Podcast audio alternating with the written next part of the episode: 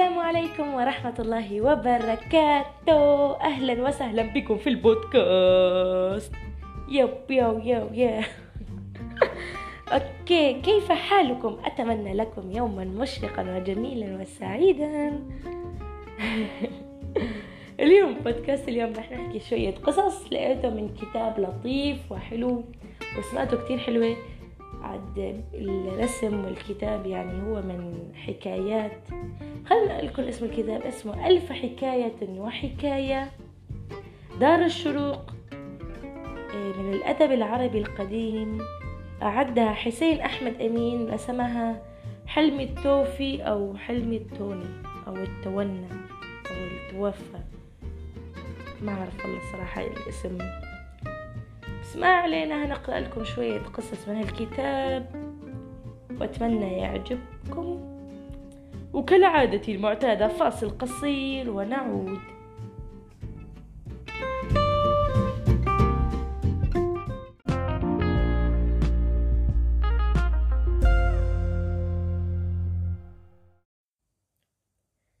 المتنبي وبائع البطيخ. قيل للمتنبي قد شاع عنك من البخل في الآفاق ما قد صار سمرا بين الرفاق وأنت تمدح في شعرك الكرم والأهل في شعرك الكرم وأهله وتذم البخل وأهله ألست القائل ومن ينفق الساعات في جمع ماله مخافات الفقر فالذي فعل الفقر ومعلوم أن البخل قبيح ومنك أقبح فأنك تتعاطى كبر النفس. شو هالكلمة؟ ومهوله وعلو الهمة. ثقة وعلو الهمة. طبعا الصفحة شوي قديمة. النفس وعلو الهمة وطلب الملك والبخل ينافي ذلك. هذا واحد عم يقول للمتنبي. خلينا نشوف شو المتنبي فقال إن للبخل سببا وذلك أني أذكر أني وردت في صبايا من الكوفة إلى بغداد. فأخذت خمسة دراهم بجانب منديلي وخرجت أمشي في أسواق بغداد. فمررت بصاحب الدكان يبيع الفاكهة ورأيت عنده خمسة من البطيخ باكورة باكورة عجب عزو يعني كورة أوكي. فاستحسنها ونويت أن أشتريها بالدراهم التي معي. فتقدمت إليه وقلت بكم تبيع هذه الخمسة بطاطيخ؟ بطاطيخ. فقال بغير اكتراث اذهب فليس هذا من أكلك. ليش هيك؟ قال فتماسكت معه وقلت يا هذا ضع ما يغيظ واقصد الثمن. إنه إنه شو سعره؟ ثمنها عشرة دراهم. فلشدة ما جابه ما جابهني فلشدة ما جابه ما جابهني ما جابهني. فلشدة ما جاب ما جهبني شو معنى ما جهبني الجبهة الصدم آه. من شدة ما صدم ما صدم. به ما استطعت أن أخاطبه في مساومة. فوقفت حائرا ودفعت له خمسة دراهم فلم يقبل. وإذ بشيخ من التجار قد خرج من الخان. شو خان؟ الخان أتوقع شو خان خلينا نشوف. شو معنى خان. كلمة فارسية ومعناها هنا إما الحانوت أو محل نزول المسافرين الفندق. آه يعني بشيخ من التجار قد خرج من الخان ذاهبا إلى داره فوثب إليه صاحب البطيخ من اللد الكان وودع له وقال يا مولاي هذا بطيخ باكورة بإجازتك.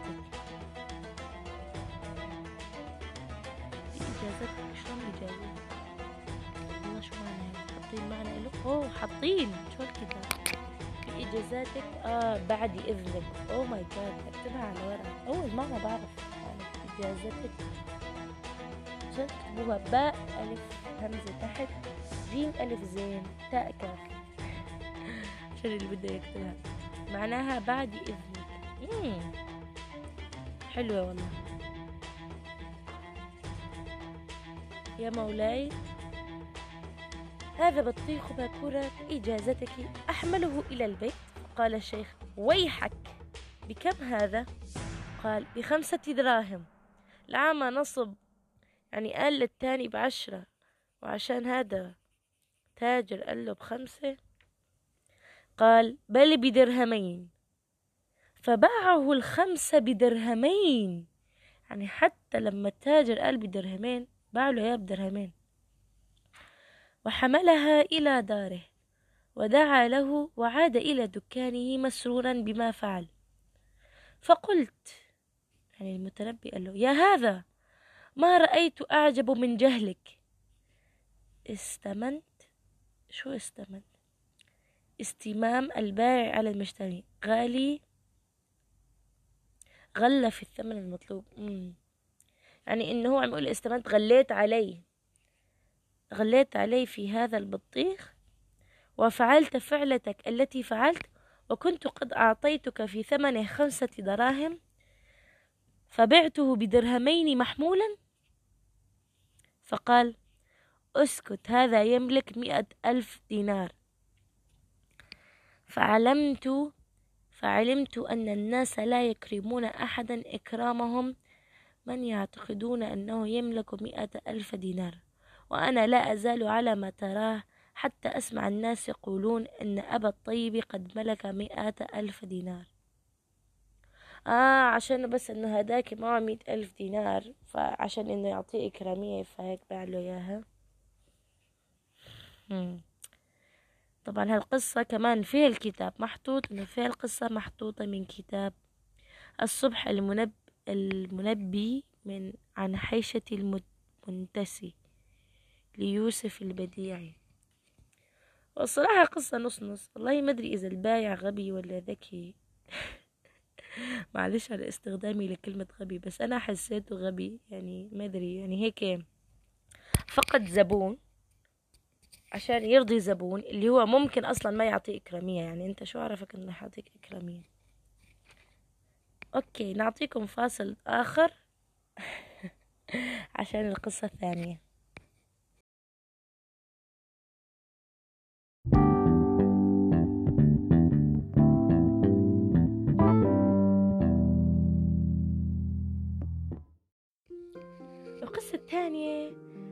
كثير كثير حلوة رسومات هالكتاب طيب خلينا نقرأ القصة الثانية. قصة العطار والعقد. قدم رجلا إلى بغداد في طريقه إلى الحج وكان معه عقدا يساوي ألف دينار. فأجهد في بيعه فلم يجد له مشتريا فجاء إلى عطار موصوفا بالخير. فأودعه إياه. يعني هون إجا رجل في بغداد بده يحج بس عنده عقد ببيع ما حدا اشتراه منه. فسمع عن عطار بيقولوا له إنه عطار كثير كويس وهيك. فحط حط العقد هذا عند هذا العطار كأمانة. ثم حج وعاد وأتاه بهدية. فقال له العطار من أنت؟ وما هذا؟ فقال أنا صاحب العقد الذي أودعته. فما كلم حتى رفسه العطار رفسه رماه عن دكانه وقال تدعي علي مثل هذه الدعوة؟ يلعن والله توقعت توقعت يعمل فيه هيك العطار. آه. كأني قارئها القصة فاجتمع الناس وقالوا للحاج ويلك هذا رجل خير ما, ما وجدت من تدعي عليه إلا هذا؟ آه لأنه معروف بالخير وما حد مصدق فتحير الرجل وتردد إليه فما زاده إلا شتما وضربا. فقيل للحاج لو ذهبت إلى عض دولة شو عض دولة. عض الدولة؟ سلطان؟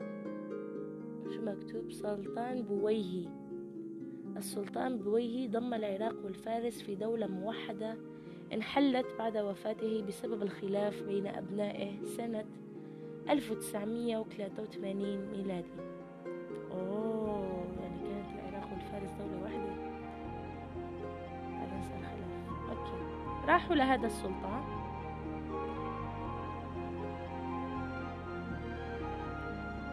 لو ذهبت إلى عض دولة اللي هو للسلطان فله في هذه الأشياء فراسة.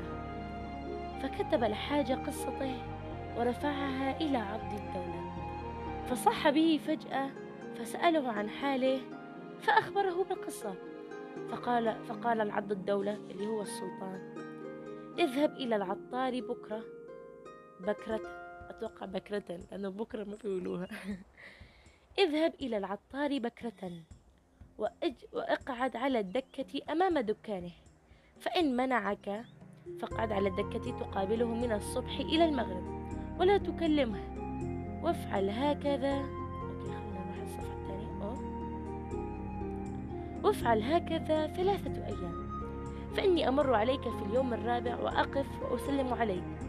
فلا تقم لي ولا تزدني ولا ولا تزدني ولا تزدني ولا ترد علي. في زين ولا تزدني علي رد السلام والجواب ما أسألك عنه. فجاء الحاج إلى دكان العطار ليجلس فمنعه. يعني الحج هذاك إجا بده يقعد العطار منعه. فجلس مقابلته ثلاثة أيام. فلما كان في يوم الرابع اجتاز عض الدولة في موكبه العظيم. فلما رأى عض الدولة الحاج الوقف قال السلام عليكم. فقال الحاج دون أن يتحرك وعليكم السلام. قال عد الدولة يا أخي تقدم إلى بغداد فلا تأتي إلينا ولا تعرض حوائجك علينا. قال الحاج كما أتفق. آه هون معناها هكذا كان. فمثل أنه قال الحاج هكذا كان. ولم يطل الكلام معه وعض الدولة يسأله ويهتم. وقد وقف ووقف العسكر كله والعطار قد أغمي عليه من الخوف. فلما انصرف الموكب التفت العطار إلى الحاج فقال ويحك متى, أودع متى أودعتني هذا العقد؟ وفي أي شان وفي أي شيء كان ملفوفا؟ لعلي فذكرني لعلي أذكره. يا كذاب يا عطار. فقال من صفته كذا وكذا. فقام العطار وفتش ثم نفض ثم نقض جرة عده فوقع العقد. فقال قد كنت نسيت ولم تذكرني في الحال ما تذكرت. يا كذاب يا عطار يا نصاب. بس حلوة حركة الملك. سلطان ذكي. أوكي خلينا نشوف القصة الثالثة. أوكي نعمل ستوب استراحة.